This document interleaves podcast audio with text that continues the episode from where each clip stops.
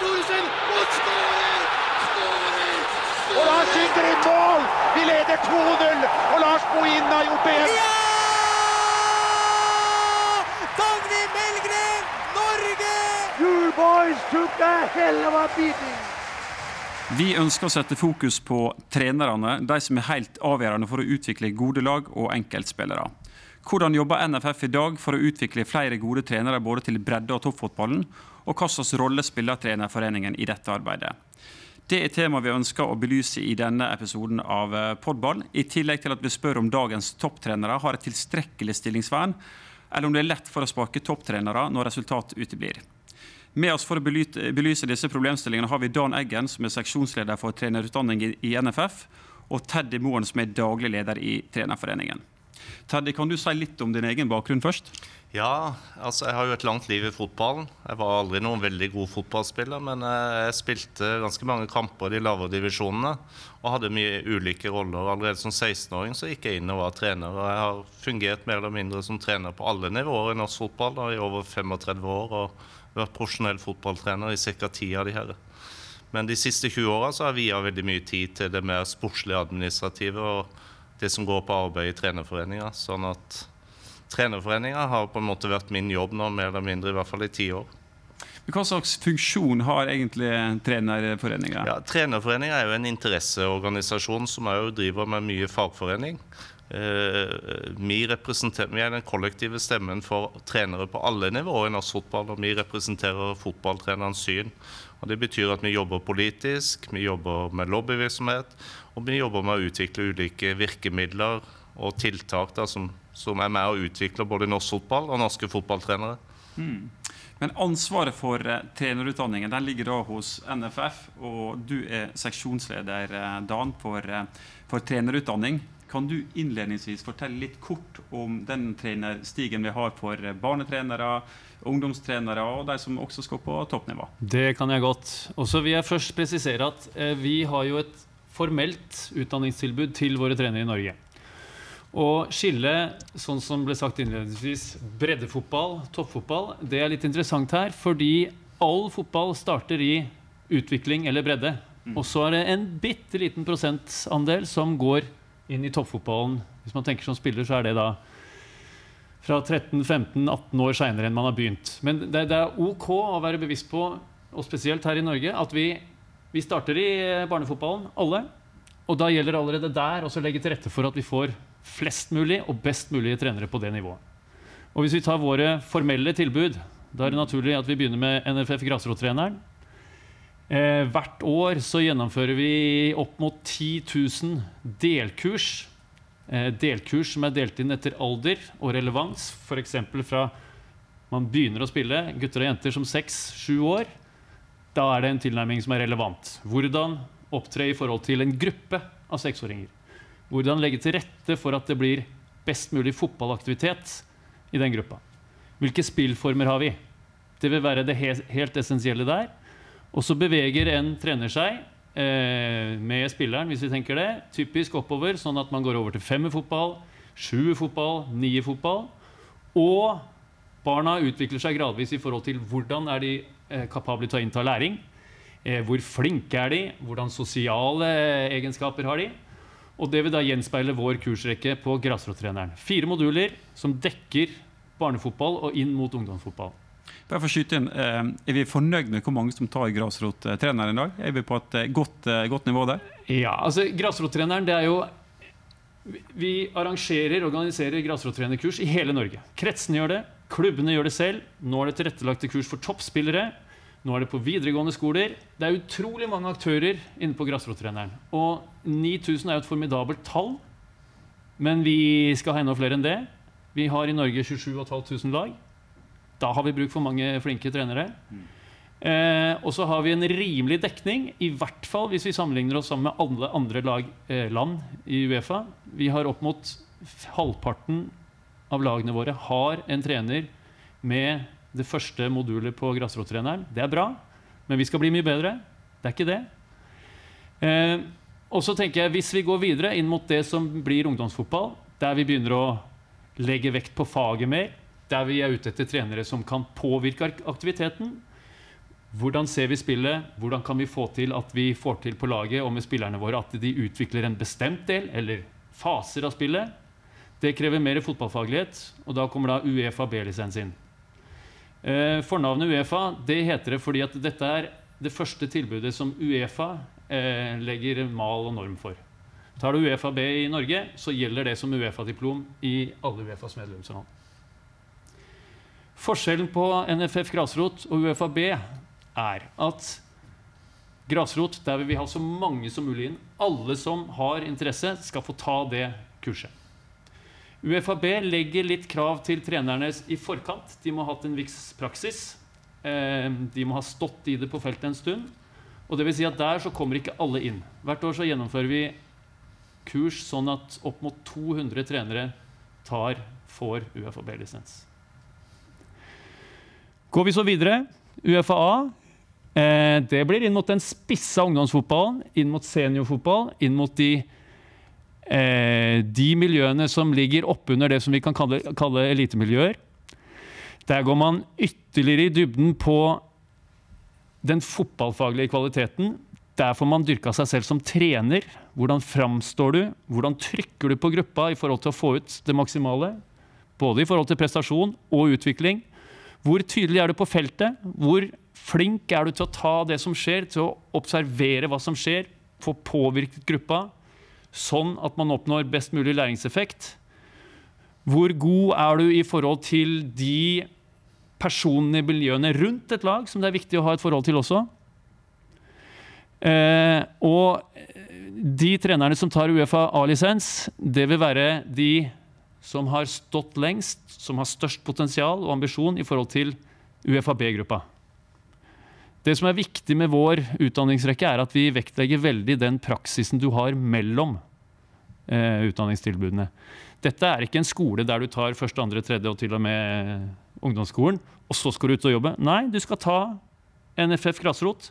Ut og jobb, vær på feltet, opplev det, dra erfaringer. Så er du klar for å komme inn på B. Det samme gjennomfører B eh, med en fotballfaglig spissing. Så ut på praksisfeltet på et annet nivå enn der du var under grasrottreneren, osv. Vil si at fram til vårt siste tilbud, UFA Pro-lisens, så vil våre trenere ha hatt en praksis og eh, formell utdanning. Eh, den perioden med begge de to komponentene den har vart typisk åtte-ti år. Og det vil si at Du kan snakke om en profesjonsutdanning, ikke sånn som når du blir eh, advokat eller lege. eller sånn, men den eh, blandingen av praksis og teori. Og Det er litt verdt å, understreke i den debatten som vil være om trenere og hva de kan, og hvor eh, sikre er de i jobben, og hva kreves det for å bli trener osv. Det er et formidabelt løp våre topptrenere har gått før de inntar den rollen de har nå som trener i Eliteserien eller Obos eller, eller Toppserien. Og så har vi det absolutt siste løpet, den spissa, det er da prolisens. Prolisens er den eksklusive. Der er det et lite antall av våre norske trenere på herre- og kvinnesiden som annethvert år, typisk 15 i antallet, kommer inn og som får en spissa utdanning i forhold til de forskjellige fagområdene man må være bevisst om og til dels meget sterk på for å kunne fungere, for å kunne få en jobb, for å kunne opprettholde den eh, under all type solskinnsdager og eh, skikkelig stormvær. Ja, for Storm vil det også være. Vi skal komme tilbake til topptrenerrollen litt seinere. Dere er jo eh, Terje, veldig opptatt selvfølgelig av at eh, trenerne skal få et godt utdanningstilbud. Og Du hørte eh, Dan fortelle om, eh, om den trenerstigen vi har i NFF i dag, som du selvfølgelig kjenner veldig godt. Hva tenker du er styrka med den, og hva tenker du kunne vært bedre? Det er jo helt riktig at en, av våre hensikter er å jobbe for at trenere i Norge skal få det best mulige utdanningstilbudet og tilbud om etterutdanning. Og det er klart at Vi er jo med og støtter opp om den Uefa-baserte trenerutdannelsen og den formelle trenerutdannelsen som forbundet eier og leverer. Eh, og Utviklinga rundt den har vært veldig god i senere år. Forbundet har satt av mer ressurser til det arbeidet. Eh, og erfaringene fra trenerne som går på kursene, blir bedre og bedre. Tilbakemeldingene er gode på det. Nå er det sånn at eh, det er jo dynamiske størrelser her. Og i forhold til prestasjonsidrett som fotball er, så vil det alltid være fornya krav og fornya forventninger og alltid et ønske om at ting blir bedre. Og det er litt vår oppgave, kan du si, fra utsida og på en måte igjen tale trenerens sak og, og, og utfordre NFF og si det at er det godt nok? Må vi utvikle? Må vi få kurset enda bedre? For det fotballen er jo i stadig utvikling. Og Der er litt av vår rolle ikke sant? å prøve å være litt vaktbikkje og passe på. Det skjønner jeg, Men hvis du kan være litt konkret, hva syns du Ja. er bra, og hva syns du kunne vært bedre, sett fra deres Nei, altså For det første så er jo omfanget altså Det at du har fått et toppkurs nå som på en måte svarer godt til at vi har såpass mange som har det her som jobb, det er veldig viktig. Så Uefa Pro er jo på en måte blitt et veldig veldig godt kurs, et veldig viktig kurs. Fordi det har i seg så mange elementer som ikke nødvendigvis har med det rent fotballfaglige på banen, men veldig mye med trenerrolla. For det er klart Skal du være profesjonell trener i dag, så er det jo mye mer enn å bare stå på treningsfeltet og lede øvelser og organisere laget. Det handler om å være en god leder, forholde seg til media, forholde seg til at du har det som jobb, forholde seg til samarbeidspartnere, finne din plass i organisasjonen, jobbe politisk, jobbe administrativt, forholde seg til nye verktøy. Så det er så mange sider av det å være trener som du er nødt til å ha utdanning på, og der syns jeg at forbundet har lagt opp et godt kurstilbud. Jeg syns òg det er veldig spennende å se at eh, den store, tunge satsinga som er i bånn, i forhold til å sikre seg flere foreldre, flere grasrottrenere kommer inn og får grunnleggende utdanning. Det vil styrke hele arbeidet med norsk fotball. Så, så forbundet har mer fokus på trenerutdannelse enn før. Det er viktig. Eh, Vi syns i Trenerforeningen at de burde satt av enda mer ressurser og satsa enda mer på trenerutdanning.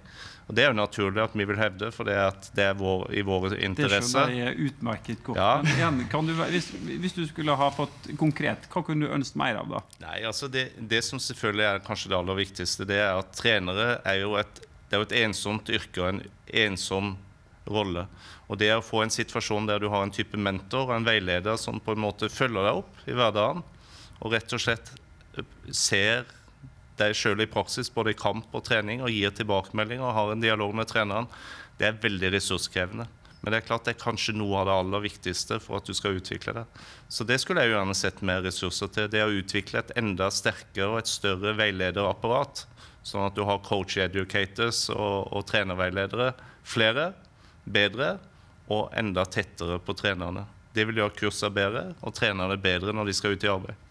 Men der er ikke du eh, uenig, Dan Type. For en av de viktige, eller i store nye satsingsområder fra NFF nå, er jo nettopp utvikling av et trenerveilederkurs. Eh, kan du fortelle litt om det? Det kan jeg først. Eh, vi har gått gjennom den ordinære, formelle trenerutdanningsstigen. Eh, og det som er veldig viktig å nevne i tillegg til det, det er jo at vi har en tilsvarende keepertrenerstige. Vi har en tilsvarende spillerutviklingsstige, altså som tar for seg individet. Eh, eller eh, henholdsvis først keeperen, og så utespillerindividet. Vi har jo hatt spillerutviklere i Norge over en tid. Og så blir det i ungdomsfotballen Jo, der blir det at man må peke litt på individet i forhold til rolleegenskaper, i forhold til fysisk kapasitet. Der er vi alle forskjellige. Sånn at man får trykt litt mer på individutvikling.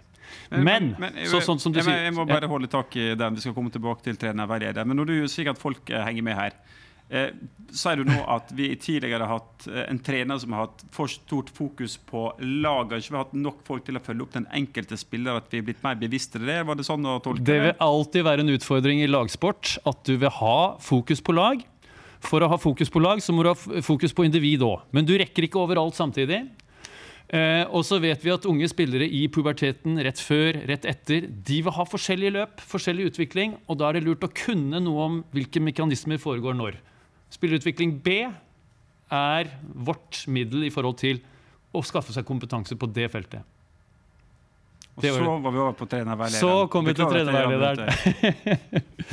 Fordi det er jo sånn at vi har veldig mange flotte klubber i Norge på utviklingsnivå. Vi har kvalitetsklubber, vi har toppklubber, som etter hvert blir store i antall heltidsansatte trenere også. Og da drar vi jo på den tankegangen som er internasjonal. Den er først kjent under, eller i hvert fall eh, for meg, eh, først kjent under Barcelonas regime i 90-årene. Der hvor vi så at det var jo søren meg 1920 trenere, spillere som var innom Barcelona i samme eh, periode, som er gått ut hver for seg og blitt kjempeprofilert topptrener i hver sine toppklubber er det gjort, europeisk. liksom? Mm. De har jo møttes et sted og diskutert fotball, tatt for seg problemstillinger med hverandre osv. Altså et miljø som har trigget noe hos alle de. Uten sammenligning, men like fullt å ta til seg den ideen om at vi må være flinke til å ta vare på de trenermiljøene vi har. Trenerveilederen, altså en rolle i klubb, er ment å binde opp trenere på årganger i en utviklingsklubb, f.eks. Eh, av våre større breddeklubber i farten. Øvrevoll Oslo er vår største. Eh, med mange trenere, mange årganger, gutter, jenter. Jo, hva kan man dra på felles i hele den klubbens treneraktivitet, eh, som man kan samordne, som man kan spisse, som man kan gi tilbakemeldinger på, i nettopp en mentoraktivitet. Og i å samordne en rød tråd i klubbens sportslige program for gutter og jenter. Og så eh, vil det jo være målet at denne utdanninga som har starta for ca. ett år siden, den gjennomføres i løpet av neste halvåret i alle våre 18 fotballkretser. Eh, og det vil si at vi klarer ikke å dekke behovet, men det kommer vi til å kunne klare, sånn at alle ambisiøse klubber på kvalitetsklubbsnivå i kretsene våre vil ha muligheten for oss å utdanne en dedikert rolle hos seg selv, en trenerveileder, som i noen grad vil utgjøre i klubb, i klubbhverdagen, den rollen som en mentor ivaretar på våre formelle kurs. Men det, det å, du får jo stadig nye trenere i barnefotball. Noen er helt ferske, har aldri vært i rolla før. Burde det nærmest vært et krav at for å kunne være en kvalitetsklubb, så har du nettopp en trenerveileder? For én ting er å ha tatt kurset, så skal du ut og praktisere det i etterkant. Hva tenker du om det, Teddy? Definitivt. Eh, altså, jeg jo at uh, Jeg er veldig glad for at det blir mer og mer fokus på, på at treneren er kanskje den viktigste rollen i fotball. Etter spillerne, selvfølgelig. Alt legges jo til rette for at spillerne skal utvikles. Men i dag er jo treneren blir bare viktigere og viktigere, for mer og mer av aktiviteten er jo organisert. Eh, vi opplever òg at det er mer ressurser tilgjengelig i klubbene. Og jeg syns det bør fokuseres mer på at det settes av ressurser til å følge opp trenerne. For det er klart at de som er trenere på de aller yngste, de er gjerne frivillige. Og mange av de har jo ikke den bakgrunnen som gjør de i stand til å vite helt hva de skal. Og det å få en del tips og råd og ideer i forhold til hva som er fornuftig i barnefotballen, det er gull verdt. Og Det er kanskje det som avgjør hvorvidt du trives i rollen og har lyst til å ta stegene videre. Mm. Det er det, så, så det, kan ikke, det, kunne, det, må bare forsterkes. Det, at det, det er viktig satsing. Men Én ting er å få råd og tips på et allmøte med 30-40 ja. til stede. En annen ting er å få konkret tilbakemelding når du har vært i en coachingsituasjon. Hva var bra, hva var dårlig, hva kunne du gjort annerledes? Har vi nødt til å komme dit Dan, for at vi skal si at vi har en god trenerveiledning i eh, en klubb? Ja, altså Stegvis nå. ikke sant? Vår formelle utdanningsstige. Der legger vi veldig vekt på de siste trinnene der hvor man har muligheter for det.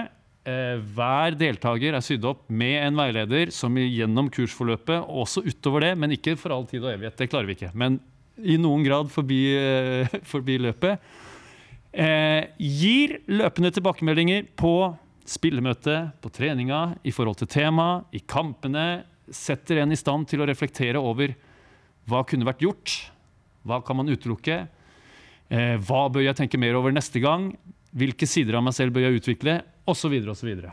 Og det løpet det er vi jo helt enige om, Teddy, det er vanvittig viktig i forhold til å utvikle seg som trener når man først er dedikert. Mm.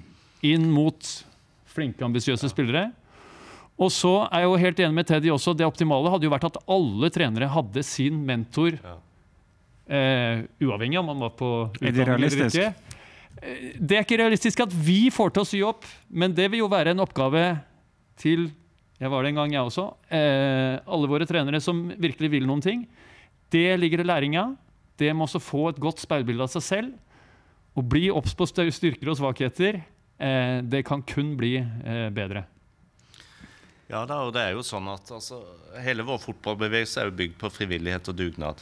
Og Det er kanskje, det, altså, det er helt grunnleggende for at vi får den fantastiske aktiviteten. For norsk fotball er jo bare et fantastisk historie. Men jeg vil gjerne tale litt varmt for det jeg kaller seniorkompetanse. For det er utrolig mange trenere som kanskje har vært gjennom alt det vi snakker om, mange ganger. Og de er kommet litt opp i åra.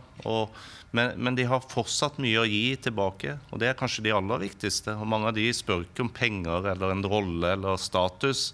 De har rett og slett lyst til å gi noe tilbake til det miljøet de har jobba i. Og det tror jeg kanskje at vi har en eh, en, en jobb å gjøre. Hvordan kan vi på en måte få identifisert de med lang erfaring, trekke de inn i klubben og dra veksler på de. Der tror jeg vi har en stor ressurs vi kan hente veldig mye av. For det er ingenting som er bedre enn at vi har trenerveiledere som er erfarne trenere som har vært gjennom det her mange ganger. Det som er et faktum er at det er tusenvis på tusenvis i barne- og ungdomsfotballen hvert år. Alle de har trenere. En god del de slutter når barna slutter, men de har opparbeider seg erfaring langs med, og så får du nye personer inn. Kunne de personene blitt nyttiggjort i, ei, i, et, i et, et slags mentorrolle, gitt at de har riktig kompetanse osv.? Har vi et uforløst potensial der, da? Det er mulig, og vi har et potensial i alle krinker og kroker i forhold til hvordan framskaffe god mentorkapasitet til alle våre settinger. Og så tenker jeg akkurat, altså for Vi er jo litt i den situasjonen, alle oss, med at vi har jo vært trener, vi har fulgt våre barn, og sånn, og så vil det jo være noen barn som slutter, da slutter foreldrene. Og så tror jeg kanskje at vi får ikke alle dem til å fortsette å bidra til neste generasjons trenere osv., men at, sånn som Teddy sier, trenere som har lang fartstid, men som ikke nå eh, har eget lag eller egen sammenheng, men som mer enn gjerne vil bidra inn mot nye trenere.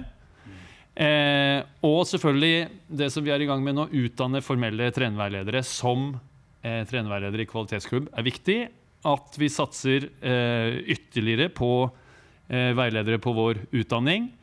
Eh, at klubber legger til rette for at det er en helhetlig, enhetlig sportsplan, sånn at én eh, årgang spiller ikke helt forskjellig fra den forrige osv. Det Dvs. Si i sum en del løp som burde være rimelig eh, Jeg skal ikke si lett å gå i gang med, men som er Det er bare å ta fatt.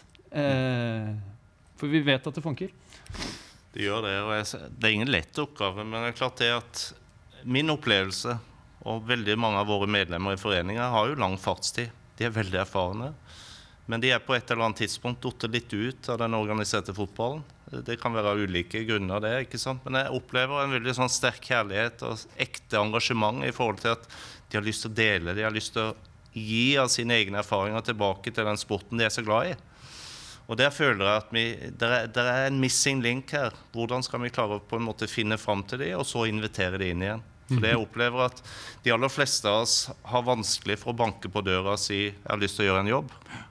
Men hvem står nærmest til å sørge for å opprette den linken der? Det må vel kanskje være nettopp at klubbene er mer bevisst på å signalisere i sitt nærmiljø at du har en kompetanse vi gjerne har lyst til å benytte oss av. Er det din påstand at klubber generelt ikke er flinke nok til det? Nei, Jeg ser kanskje det, det å rekke overalt. og det er klart at hvis du er en, Nå har du på en måte fått identifisert det at enhver klubb trenger en trenerutvikler. Og trenerutvikleren kan ikke være overalt hele tida, men det er jo han som på en måte skal fasilitere og sørge for at ting skjer for trenerne i klubben. Og Det kan være alt fra at du sikrer deg at du gjør trenerne oppmerksom på f.eks. artikler eller type verktøy som ligger på internett. Der er jo veldig mye inspirasjon og kunnskap å hente. Det at du inviterer dem til samlinger i klubb, i krets osv., gjør de kjent med hvilke trenerutdanningstilbud som ligger der. Eh, Det ligger litt på å gi dem litt personlig oppfølging underveis i egen klubb, men det handler veldig mye om akkurat det å nesten lage lag. Prøve å finne typer som kan gjøre laget litt bedre. Og jeg er helt sikker på at en trenerveileder som har et sånt fokus, vil veldig fort kunne identifisere tre-fire tidligere spillere, tidligere trenere i klubben, bare med å kikke litt i årboka, snakke litt med i lokalsamfunnet. Hvem kan gjøre en jobb for oss? Og jeg lover deg, du får veldig mye igjen for det. altså. Det var veldig det er interessant forslag, tenker jeg. for det, er Dere er jo inne på det. Hvis du har en stor breddeklubb, og så ansetter du en trenerutvikler som Ja. da skal coache da trenerne. Og som du sier, har ikke mulighet til å rekke Nei. overalt. Men hvis du kan ha en ansatt ressurs som klarer å tiltrekke seg frivillige ressurser med kompetanse, så er kanskje det en, en nøkkel, Dan? Eh, absolutt, eh, og det er et kjempepoeng. Og så bare én understreking. Vi kaller det trenerveilederen. Eh, veileder eh, gjør trenere bevisste på, men det er jo ikke sånn at Sånn er det jo med fotball. Vi kan jo ikke si at det er akkurat sånn det skal gjøres, eller dette var feil, men det er en som hjelper eh, oss eller alle trenerne på Ja. et spor som gir mening. Jeg, Det jeg, altså, jeg er jo veldig opptatt av det at vi må bygge videre på den identiteten, kulturen og det grunnlaget som er i norsk fotball, og det er frivillighet og dugnad. For det er mange som snakker om i dag la oss profesjonalisere virksomheten vår, la oss få folk ansatt, og så ordner ting seg. Nei, det gjør ikke det. For det første så er det ikke nok ressurser til å ansette folk til å gjøre det. Og hvorfor ikke bygge på det som Norge er helt unik på, frivillig og dugnad? Vi er sannsynligvis verdens beste land på det. Det er utrolig mange folk i dag som har lyst til å bidra til lokalsamfunnet, til lokalklubben, til det lokale laget og til sine egne unger. Men du trenger noen til å fasilitere det. Så ressursen får gå på det, men at de skjønner det at vi kan ikke rekke overalt. La oss bygge et lag, da. La oss bygge et lag med trenerveiledere, trenermentorer, gamle, eh, gamle ressurser. La oss få de inn. Og i det så må du, du må inspirere de, og du må bruke litt tid på dem. Kanskje gi dem en uniform. og Kanskje rett og slett gi dem et medlemskap i trenerforeninga. Ja. Og så har du det i gang. Og så lover jeg deg at resultatet blir veldig bra. Men sånn som jeg opplever dere to her, her i, i studio nå, så eh, mener dere det blir gjort mye bra i norsk eh, barnefotball. Vi har tatt mange riktige grep. Eh, Trenerforeninga vil selvfølgelig ha enda mer ressurser inn i de ulike eh, løpene. Men sånn som jeg leser dere, så er ikke dere enig i de som alltid peker på dårlig kvalitet i barnefotballen når resultatene på A-landslaget uteblir. Har jeg oppfattet det korrekt? Nei, eh, der er, du, der er jeg helt enig. Jeg syns det er altfor lett å skyte liksom, på, vår, på, vår, barnefotball og vår måte å organisere det på når du skal forklare resultatene i norsk fotball. Jeg tror det er mye viktig at vi på en måte heier fram og applauderer den fantastiske innsatsen som gjøres. Det er ikke ett land i Europa som har større deltakelse. Det er ikke et land i Europa som har bedre fasiliteter.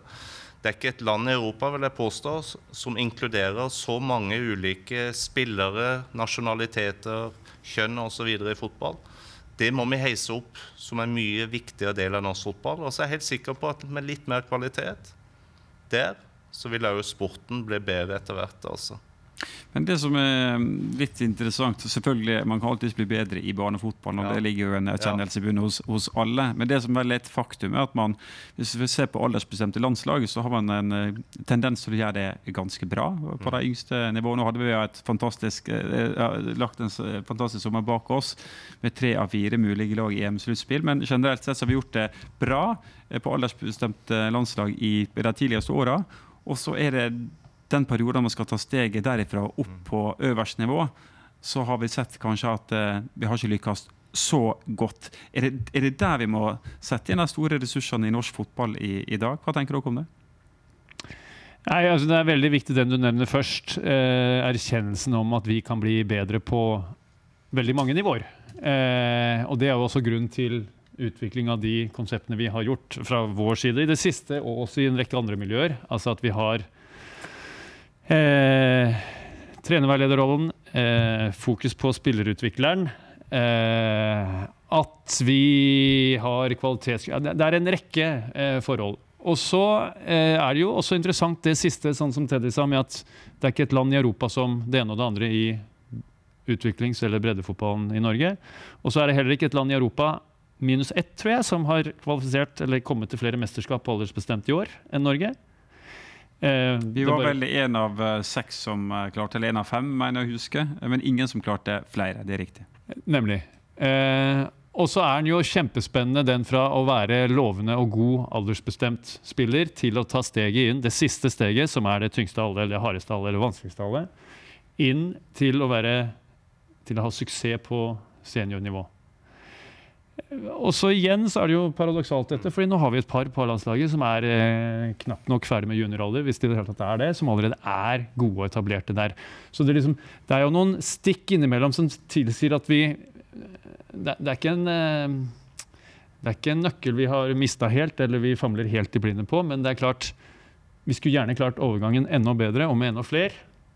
Og jeg tenker at det blir i stor grad fra vår side følge opp enda mer den utdanningen på trenere som har med individene å gjøre.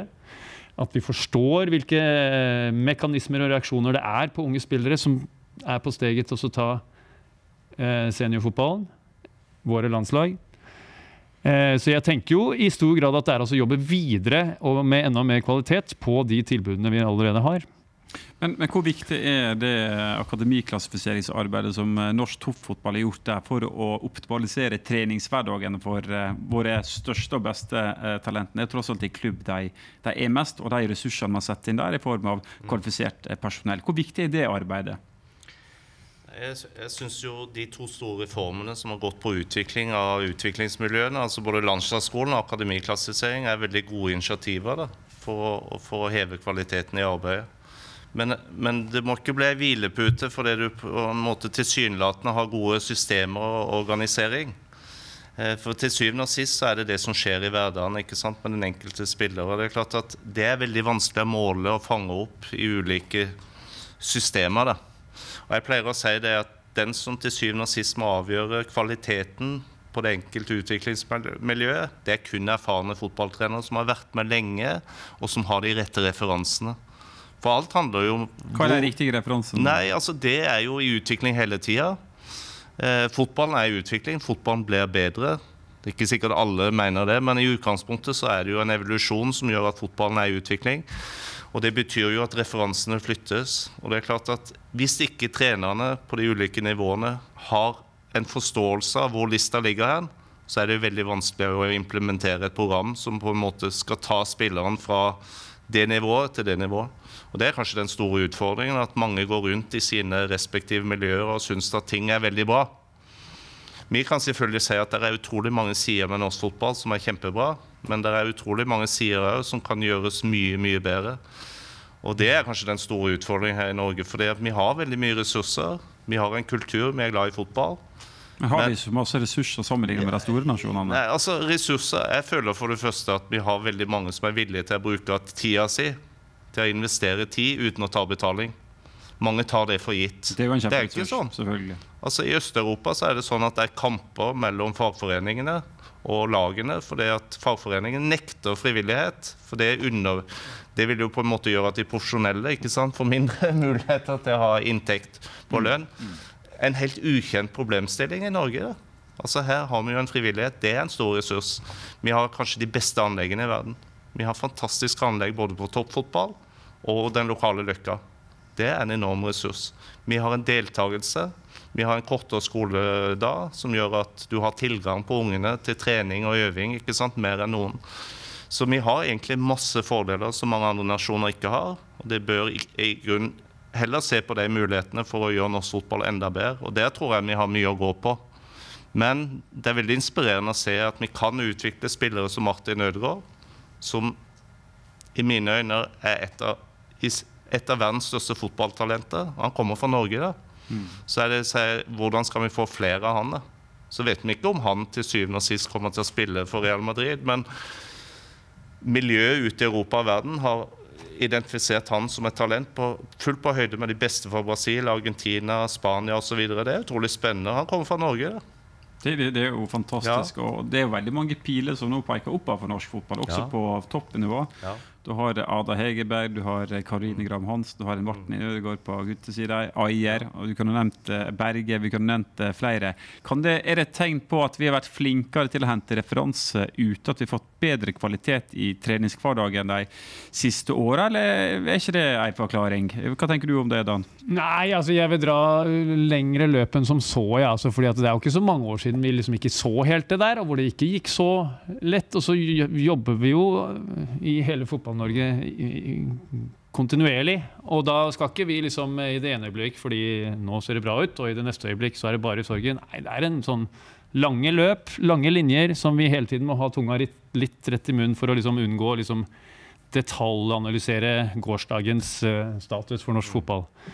Eh, jeg vil peke på én ting jeg, i forhold til referanseinnhenting. Hvordan vet vi, norske trenere, eh, hvor bør lista ligge i forhold til at vi også klarer å utvikle, utdanne, skolere spillere som kan hevde seg på flott internasjonalt nivå. Og det jeg sånn spesielt har lyst til å peke på, det er jo nettopp et, et tiltak som går på etterutdanning for trenere som er i toppfotballen, for våre treneransvarlige eh, i kretsene, hvor vi sammen reiser og ser på internasjonale mesterskap på aldersbestemt nivå. Og så har vi vært så heldige at norske lag har vært med de siste par gangene.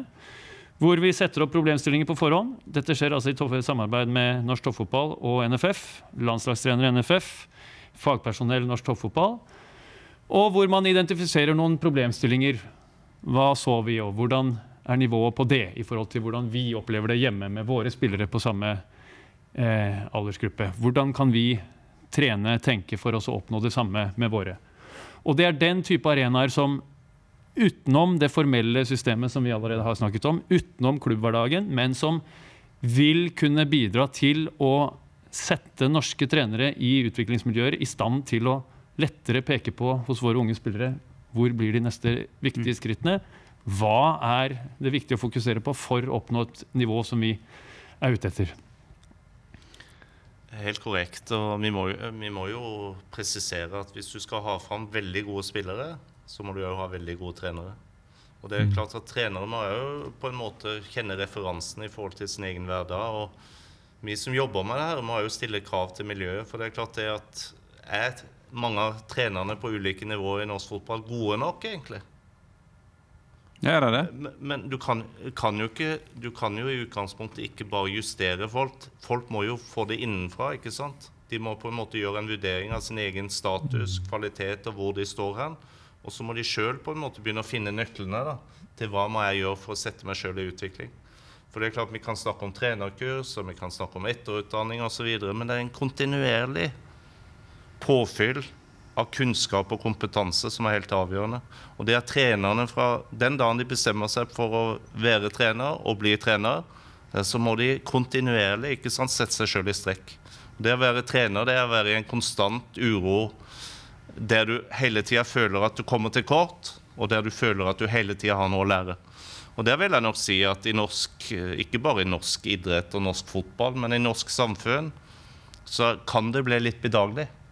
Men kan det også henge sammen med at veldig mange trenere på frivillig basis og har full jobb ved siden av? Det er en tidsbegrensende faktor? i Selvfølgelig, det. det, det, det kan finne fors- forståelse det, men du må huske at en gang i tida, det er ikke så langt tilbake i tida, så var det ikke uvanlig at du trente et lag i Eliteserien, og så var du lærer på fulltid, da, på dagtid. Og du fiksa det, og du hadde familie, så kan du sikkert si at det var, det var ikke en ideell situasjon. Men, men, men mange vil jo si det at kanskje er samfunnet blitt sånn i dag at vi på en måte framstiller det som er veldig bra, til kanskje å være litt mer middels, hvis du ser tilbake i tida.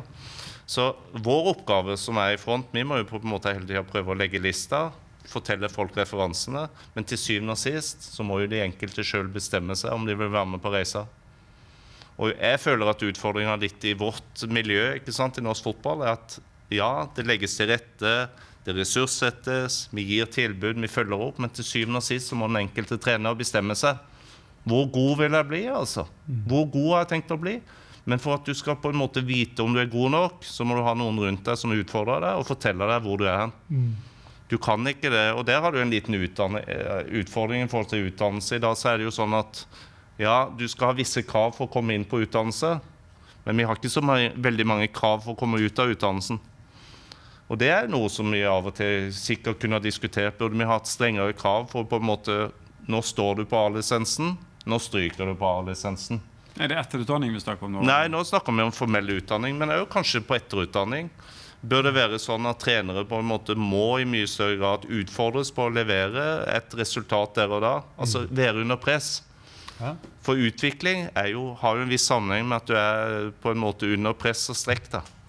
Så jeg vet ikke, men det er i hvert fall ting som henger sammen med trenerutdannelse og trenerutvikling. Hva tenker du om det, Dan? Nei, Det er kjempespennende og viktig. Og så tenker jeg at Hvis vi snakker den norske trenerstanden under ett, så blir det litt problematisk. Fordi nå har vi nettopp barne- og ungdomsfotballen. Foreldre, grasrottrenerkurs. Det vil være én gruppe. Og så har du de neste, der hvor vi begynner å bli ambisiøse på vegne av lag og spillere. Der hvor vi begynner å bli ambisiøse i forhold til ansettelser, altså at du er lønnet trener. At du er i et uh, elitemiljø. At du er en del av et miljø der du vil ha noen forpliktelser, litt sånn som Teddy sier, med at man får en type påfyll. Nei, vi har ikke den at det er liksom noen strenge krav hvor noen kommer og sjekker, annet enn at vi har jo et generelt krav på at vi skal ha en formell etterutdanning på 20 timer hvert tredje år. Men vi er jo ute etter mye mer enn det. Ja. Og det er den som ligger litt opp til den enkelte. Og så kunne det vært interessant, og der vet jo at norsk toppfotball jobber veldig bra i forhold til etterutdanning, kompetansepåfyll i sine miljøer, til alle sine trenere som går under paraplyen toppfotball. Og det tiltaket jeg så vidt var innom i stad, det med at man organiserer rene studieturer for denne gruppa, det vil jo være én sånn type mulighet. Og så vil jeg peke på, ikke sant? I Norge så er vi, vi er privilegerte. Fordi vi har en fortid med norske trenere som har satt noe veldig spor i forhold til fotballfaget. Vi har for 30-40 år siden Egil Olsen, Nils Arne Eggen, Kjell Skau Andresen osv. som var akademikere på feltet. Og som satte seg ned, og som var interessert i faglig, fotballfaglig utvikling. Og så vet vi alle hvilke resultater eller hvilke avtrykk det har gitt norsk fotball. Og så kan man si at i tiden etter det så har vi ikke sett like tydelige eller like mange. Og det er der jeg kunne tenke meg å liksom dra en distinksjon til norske trenere bedagelig eller ikke. Nei, vi har et klassemiljø i forhold til våre litt yngre trenere som ikke har nådd sin middagshøyde, men som har akademisk utdanning, som har våre formelle utdanninger, som er på hvert eneste vi klarer å se av eh, kompetansetiltak, eh, som er på feltet nå i en alder av 30-40 år. Vi har et par av dem i Eliteserien som har brukt hele sitt voksne karriereliv på utvikling, og som ennå har lang tid før de når sitt maks. Men jeg opplever en veldig iver og giv etter ny kompetanse. Hvor finner jeg mer? Hvordan bør jeg fylle på? Og Det er en sånn trend jeg oppdager, eller som jeg har eh, i min tid opplevd i stigende grad på utdanningene. at fra at man måtte sette krav og frister og nå må vi søren meg komme i gang, og sånn, så er det nå vanskeligere å liksom stagge dem i forhold til hvor kine, hvor ivrige, hvor med, hvor nysgjerrige alle er. Trenere inne på samling sammen, hvor man får noen spennende problematikker opp. Lystig framtidssikte her, med andre ord. Eh, Nei, men det blir noe med å bevare den, Ja. den type miljøframvekst som vi liksom har. Men apropos når vi er først inne på, Ja. på, på topptre nå på aller øverste hylle. Vi har snakka om barne- og ungdomsfotball, de som jobber med spillerutvikling for de som skal ta steget opp. Og så har vi den der, den der eh, ganske lille gruppa som er på aller øverste eh, nivå. De kan sikkert være eh, fantastiske eh, fotballtrenere rent faglig sett, men er det nok hva slags egenskaper må en topptrener ha i dag, eh, Dan? Eh, det er en vifte av ferdigheter og egenskaper en topptrener har, må ha. Dels for å få jobb, for å opprettholde den, for å kunne tilfredsstille alle de som har et krav, de som har en uh, idé om at de skal ha noe av topptreneren. Spillere, trenerapparat, styre, klubb, presse, publikum, sponsor, media. Eh, ja. Du skal ha Eh, mange kvaliteter, egentlig. Og det vil si, eh, vi har jo forsøkt på trenerutdanningen å kategorisere hva består fotballtreneryrket av, oppdelt i kategorier. Vi har en fotballfaglig bit. Alt om spilleren, laget og både spilleren og laget i spillet. Altså alt som omhandler spillet på banen. Så har vi lederskap. Det vil jo si, som trener så må du framstå overfor alle de gruppene jeg nevnte nå, med en troverdighet og en tydelighet og med kunnskap i forhold til hva du vil oppnå på de forskjellige områdene. Og det være seg penger eller spillere eller personal eller politikk eller eh, hva det nå skal være. Men du må ha et bevisst forhold til det. Det er lederskap inn mot en rekke grupper. Spillerne er den viktigste, kanskje, men bare én av dem. Så har du læring. Du kan kunne nokså mye om lederskap, du kan kunne nokså mye fotball, men hvis du ikke evner å formidle det til din spillergruppe, hvis du ikke evner å prioritere hva er viktigst, hva er viktig nå, hva blir viktig seinere, hvordan følger du det opp, hvordan følger du det opp i forhold til ditt eget trenerapparat, du må være god på hva som er overførbart til dine spillere i passende pos eh, porsjoner. Det er læring. Og så har vi eh, den siste, og den har vi lagt trykk på. Og det vil nettopp være den egenutviklingsiveren. Egen utvikling. Din ID som trener. Hva er du god på? Hva er du, hva er du ikke så god på?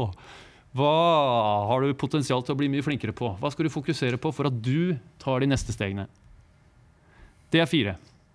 Hvis vi ser på norske eller internasjonale trenere som får sparken, eller som er under press, så vil jo selvfølgelig den lederskapsbiten med å vite hvor står man i bildet, eh, kommunisere til de riktige, sørge for at man har tid, at man ikke er sårbar i forhold til weekendens match. Taper man den, så ryker man, og hvis ikke, så klarer man en uke til.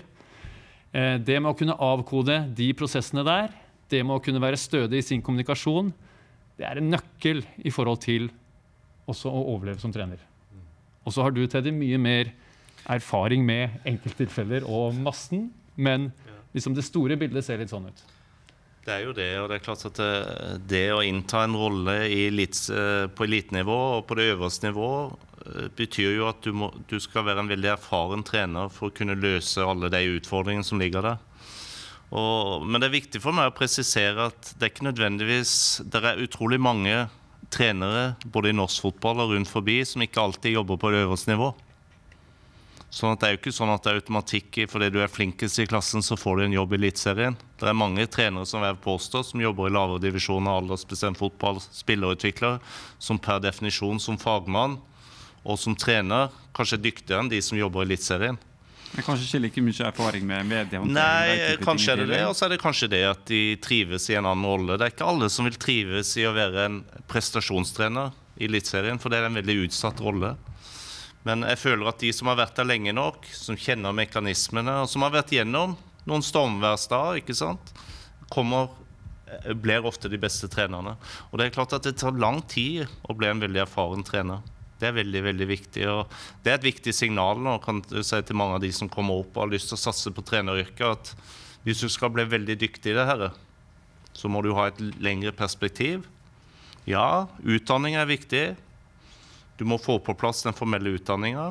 Det er veldig bra, men du kan ikke komme inn og bli veldig god her hvis ikke du skaffer deg masse erfaring. Og Det betyr masse erfaring på ulike områder, ikke nødvendigvis bare som trener. Kanskje som leder, dommer, og så blir jeg litt kjent med de ulike sidene av det. Altså Du har jo trenere ikke sant, som uten sammenligning, men altså en José Mourinho starta jo som tolk for eh, sir Bobby Robson. Og ender Han går opp på i dag. Ja, ja, men altså, altså og, er- ja, og Mourinho ble, Mourinho ble jo ofte framstilt For Mourinho har en litt annen bakgrunn enn mange andre. I hvert fall var det sånn før. Før var det jo sånn at skulle du bli topptrener, så måtte du ha bakgrunn som toppspiller. Og det var bare unntaksvis at folk som ikke hadde det, kunne være topptrenere. I dag er det jo nesten motsatt. Altså Hvis du er toppspiller, så blir det nesten brukt mot deg. Eh, så, men men det, det fine her er jo at det å bli en topptrener, det er ikke, det er ikke én sånn kravspekk på det. Det er summen av masse erfaringer, masse kunnskap og kompetanse som du har samla deg over lang tid. Og bare den kompetansen, at du har vært i fotballmiljøet over mange år, i ulike roller, ikke sant? kjenner organisasjonen, kjenner det politiske spillet, er veldig bra. Det at du har tatt en del smeller på veien, er helt avgjørende. Altså De fleste sier at du blir ikke en ordentlig trener før du har fått sparken en eller to ganger. Og det er det noe i, faktisk. For jeg opplever jo min jobb at det er jo det er knalltøft å få sparken. Jeg har fått det sjøl, og mange har fått det. Men når du får litt tid, reflekterer, får litt på avstand, så tenker jeg det var mye læring i det. Veldig mye læring. For du skjønner jo det at du får sparken av en grunn. Det er jo ikke fordi du er ufeilbarlig eller ikke det. Det er, noen, det er noen mangler i jobben din. Noen ganger tilfeldig, andre ganger ikke tilfeldig. Men lær av det. Og Hvis du i tillegg har andre som kan være direkte med deg og fortelle deg ja, du fikk sparken fordi du, du mangler det og det, så er det jo et glimrende utgangspunkt for å gjøre en bedre jobb. Det som er litt synd, det er jo de som har fått sparken én til to ganger, kanskje ikke får en sjanse tredje gang. Når de egentlig er bedre. Ved det er litt synd. Og der har vi en stor utfordring i dag, for rekruttering av trenere til toppfotballen, den er for tilfeldig. Det er for dårlig jobb. Det er min påstand. Når vi må På, se på hvilken måte? jo, altså når vi, Det er 16 lag i Eliteserien. Seks av de lagene har skifta trener i år. Det er altfor mye. Og så kan du si ja, er trenerne for dårlige? Ikke nødvendigvis. Noen ganger må du skifte trener. Det har med kjemi å gjøre, det, ja, forskjellige ting. Men det er for mange trenere som mister jobben. Og da stiller jeg spørsmålet hva slags forarbeid har klubbledere gjort før ansettelse av treneren? Det har noe med at filosofien til treneren, måten han har vært leder på, måten de har rekruttert spillere inn i forhold til trenerens filosofi, trenerens omgang med omgivelsene. Altså Det er ganske mange ting som skal stemme, og det er de som driver rekrutteringsarbeid, så kanskje det er noe å gå på der. Så går det òg på tålmodighet og det å faktisk tåle å stå imot når det, når det blåser litt. Det, I dag er det for mange ledere i dag, ikke sant, som blir utfordra av lokalaviser og investorer og fans osv. at nå må vi skifte trenere. Det er da godt lederskap må vises ikke sant, og si det at nei, vi har en lengre strategi enn som så. Vi tåler noen nederlag. Vi tåler faktisk et nedrykk. Men vi skal komme dit. Og Kanskje må vi gjøre noen omveier, men vi står med treneren vår, for vi tror på han. Det er for lett i dag å avskilte trenerne. Og dessverre så har vi mista vil jeg påstå, mange som kunne ha vært våre beste trenere på veien. Fordi de, de ble avskilta for tidlig.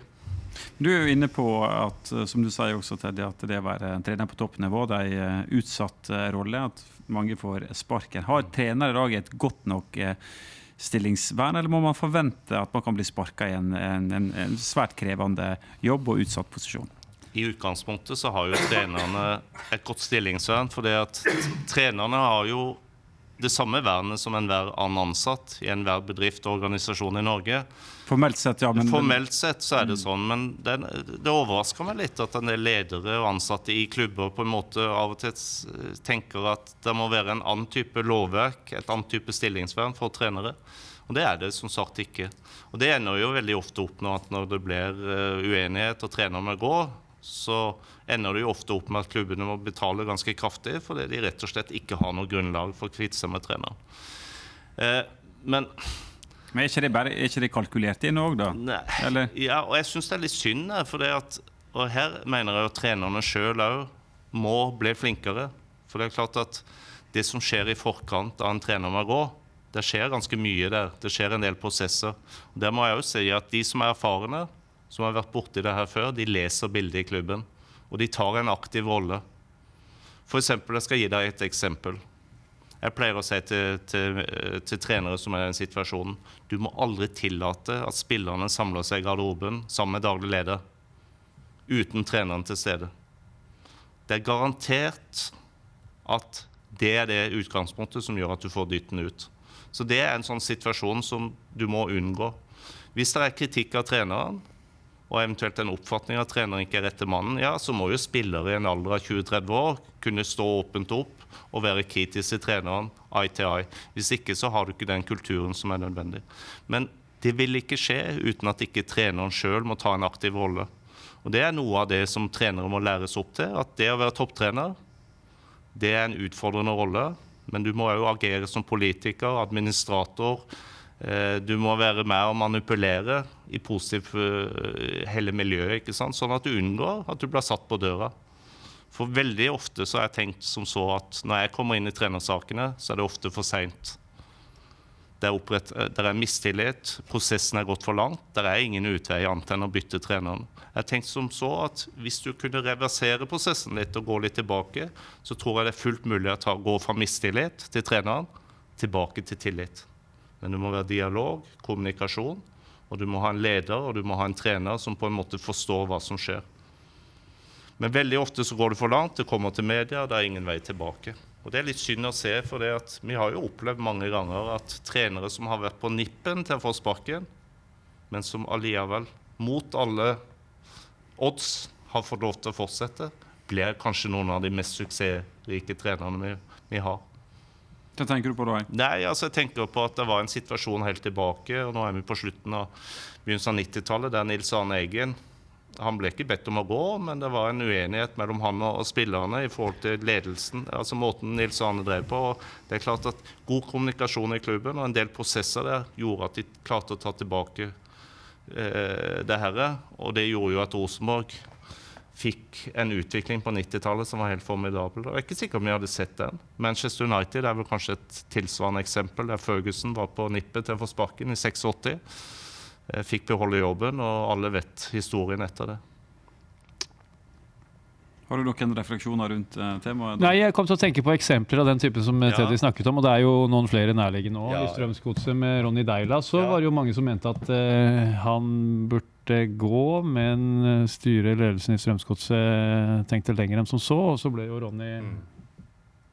vokste jo til en av de Eller det er ikke sikkert han vokste så mye heller, men han fikk eh, hva skal man si, eh, demonstrere hvilken trener han var, og vant mesterskap og gikk til Celtic osv. Så, videre, så det er en solskinnshistorie. Og så er det Ståle Solbakken i København, som alle krevde hans hode på et fat. Det var én som var mot det, og det var direktøren i FC København. Og så vant de serien seks år på rad etter det.